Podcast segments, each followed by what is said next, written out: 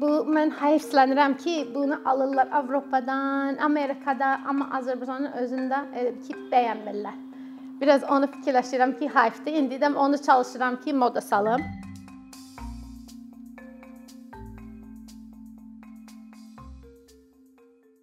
Mənim adım Terezadır. Tereza Hamlindir. Mən özüm Amerikalıyam, Minnesota ştatındanam. 17 ildir Azərbaycanda yaşayıram. Birinci gəldim ingilis dili müəllimi kimi gəldim. Biraz onunla işlədim.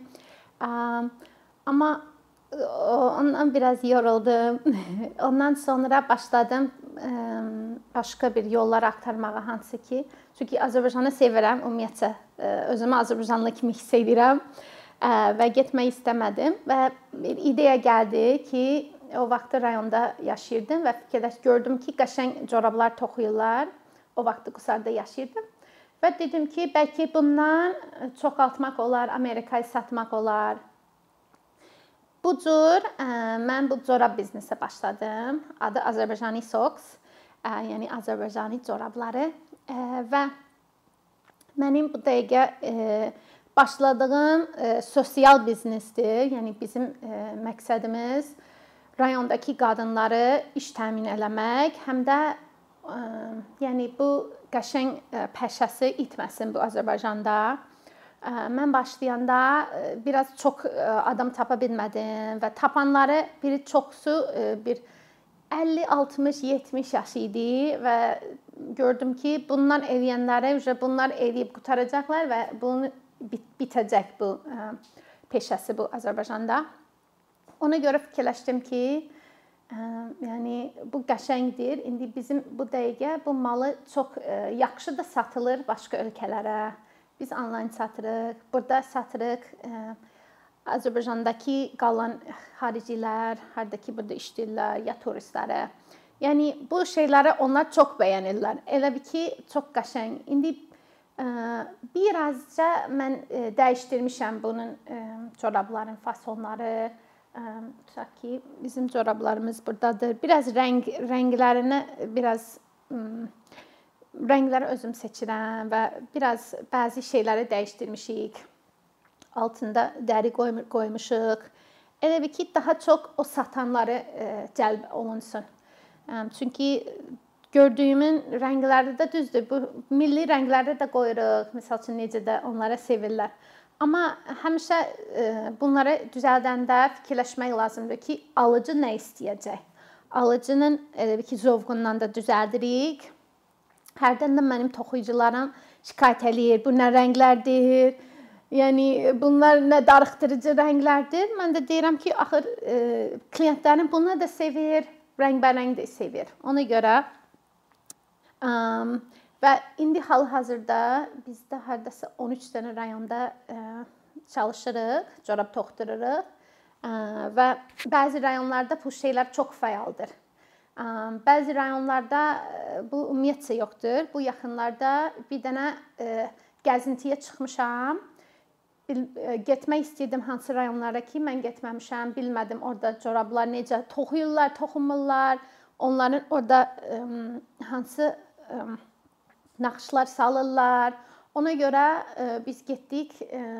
O, o da 12 dənə rayona gəzdik və çox maraqlı idi. Çoxsu yerlər deyir ki, yox, ey, nənələr eləyərdi, özləri sap eyrərdilər, amma indi yoxdur. İndi hamısı qəbirdədir. Day ondan məşğul olan yoxdur.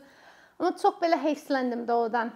Köhnə corablar, əvvəlki corabları çıxardırdıq. Mən naxışlarını hamısını şəkil çəkdim və istəyirəm naxışları üçün saxlayaq da indi ümid edirəm ki, bu yenə də bu biznes davam edəcək. Məndən başqa, nə bilim, bir 10 dənə corab biznesi olsun bu ölkədə. Çünki bu doğrudan qəşəng peşəsidir. Yəni qadınlar var rayonda, onlar tutaq ki, inəkləri var, nə bilim, toyuqları var, uşaqları var və orada xüsusi məsəl üçün maaş gələn bir yer yoxdur bu bu şeylərdən başqa, bağdan başqa. Bağ, malqara. Yəni amma qışda prosta otururlar. Otururlar peçin yanında bombalan boş heç nə yoxdur və bu onlar üçün çox yaxşı bir Yəni onların ulu nənələr kimi, yəni o vaxtda hamısı halçı toxuyardılar və corab toxuyardılar. Və məncə e, onlar üçün yaxşı bir fürsətdir. Oturub toxusunlar və başqa insanlar ondan zövq alsın. Məsəl üçün ola bilər ki, şəhərdə ya başqa ölkədə bacarmır, ya onun vaxtı yoxdur onu toxumağa, amma bu insanların yəni vaxtı var, yəni yaxşıdır.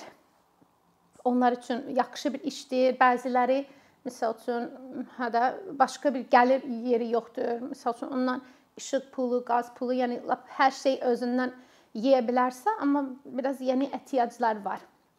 Və Bu cür qadınlara mən cəlb eləməyə çalışmışam, çalışıram. Um, indi yavaş-yavaş görmüşəm ki, cavanlara elə ki cəlb eləmək olur. Onlar görəndə ki, bundan biraz pul qazanmaq olur.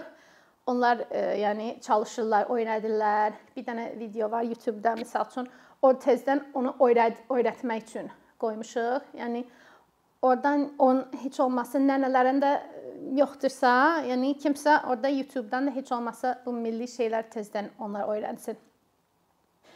Və bir dənə şey də heyfslənirəm ki, və bir məqsədim var. İstəyirəm ki, bu milli bu milli peşəsi itməsin və ancaq elə ki, məndən e, qurtarmaz ki bu problemdə. Yəni mən həmişə deyirəm ki, bu Azərbaycanlılar gərək özü sevsin bu bu corabları. Üçün bax bu cür corabları biraz modda salmağa çalışıram.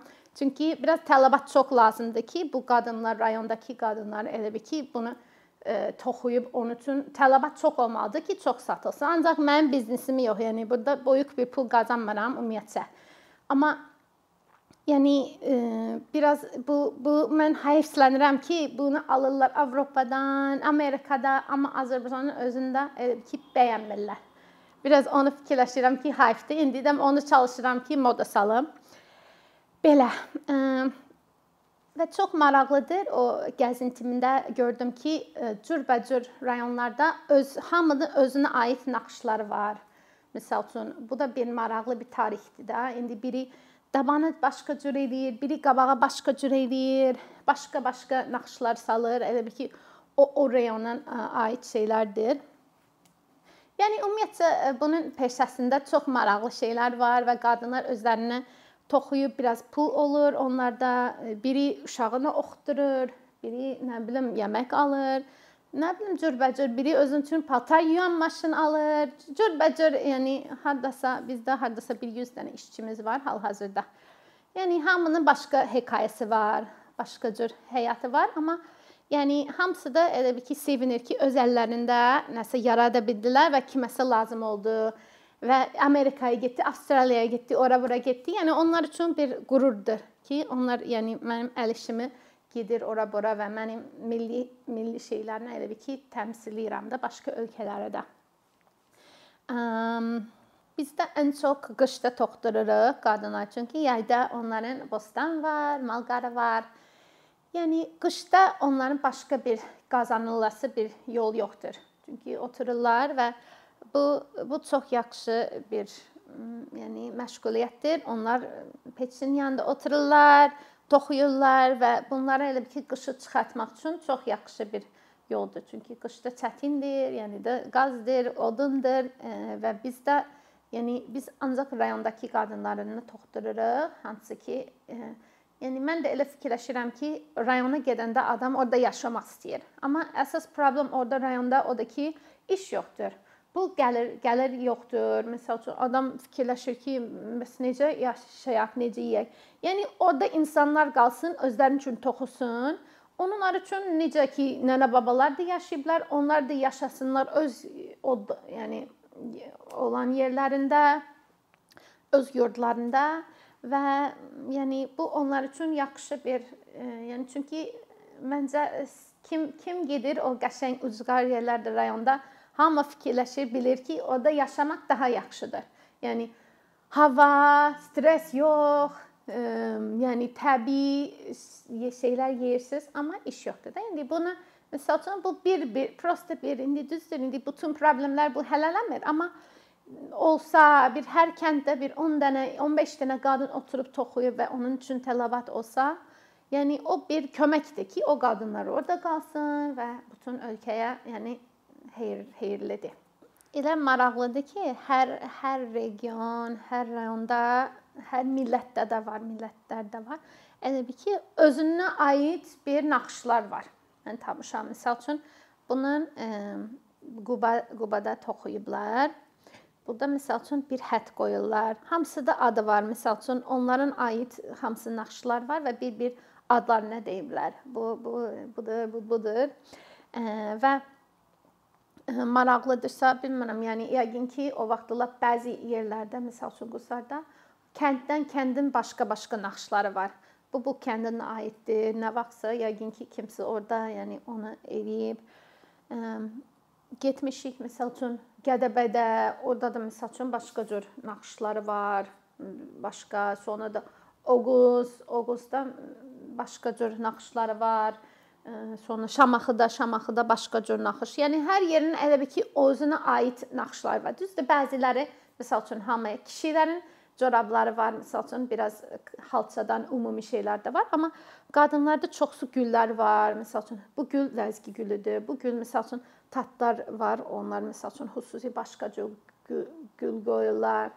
Bir kənd var, məsəl üçün o başqa tamam başqa cür eləyir. Məsəl üçün talışlar var o lirikdə. Onlar məsəl üçün corabı bura kimi edirlər, naxışını bura, yəni naxışın məsəl üçün axıra kimi salırlar. Yəni əslində bu çox maraqlıdır ki, hər hər regionda elə ki özünə ə, aid bir ə, öyrəniblər.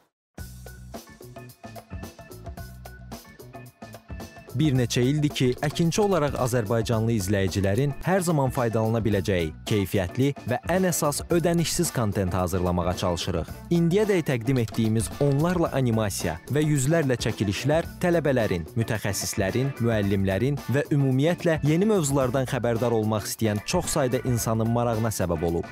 Bu illər ərzində hazırladığımız videolar təhsil, texnologiya, ictimai fəallıq, iqtisadiyyat, gender bərabərliyi, ətraf mühit, ifadə azadlığı, hüquq, demokratik inkişaf, mədəniyyət və digər mövzuları əhatə edib. Məqsədimiz çoxlu baxış gətirən deyil, çoxlu fayda gətirən videolar hazırlamaqdır. Amma bu düşündüyümüz qədər asan deyilmiş. Gördüyümüz iş kifayət qədər resurs, əmək və təbii ki, davamlılıq tələb edir. Bu səbəbdən Patreon platformasından istifadəyə başladıq. Əkinçinin Patreon hesabının populyarlaşmasına çox böyük ümidlərimiz və gözləntilərimiz var.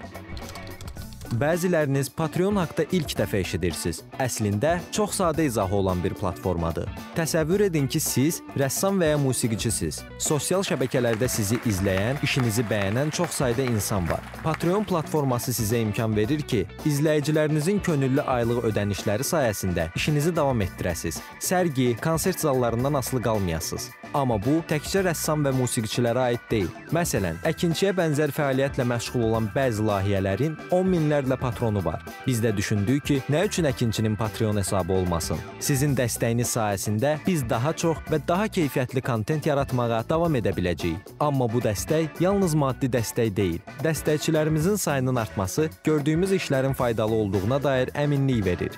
Patreon platformasından istifadə çox sadədir. Hesabınızı açırsınız, sizə uyğun dəstək növünü seçirsiniz və Patreon özü hər ayın ilk günü kartınızdan seçdiyiniz dəstək növünə uyğun ödəniş tutur. Bu qədər.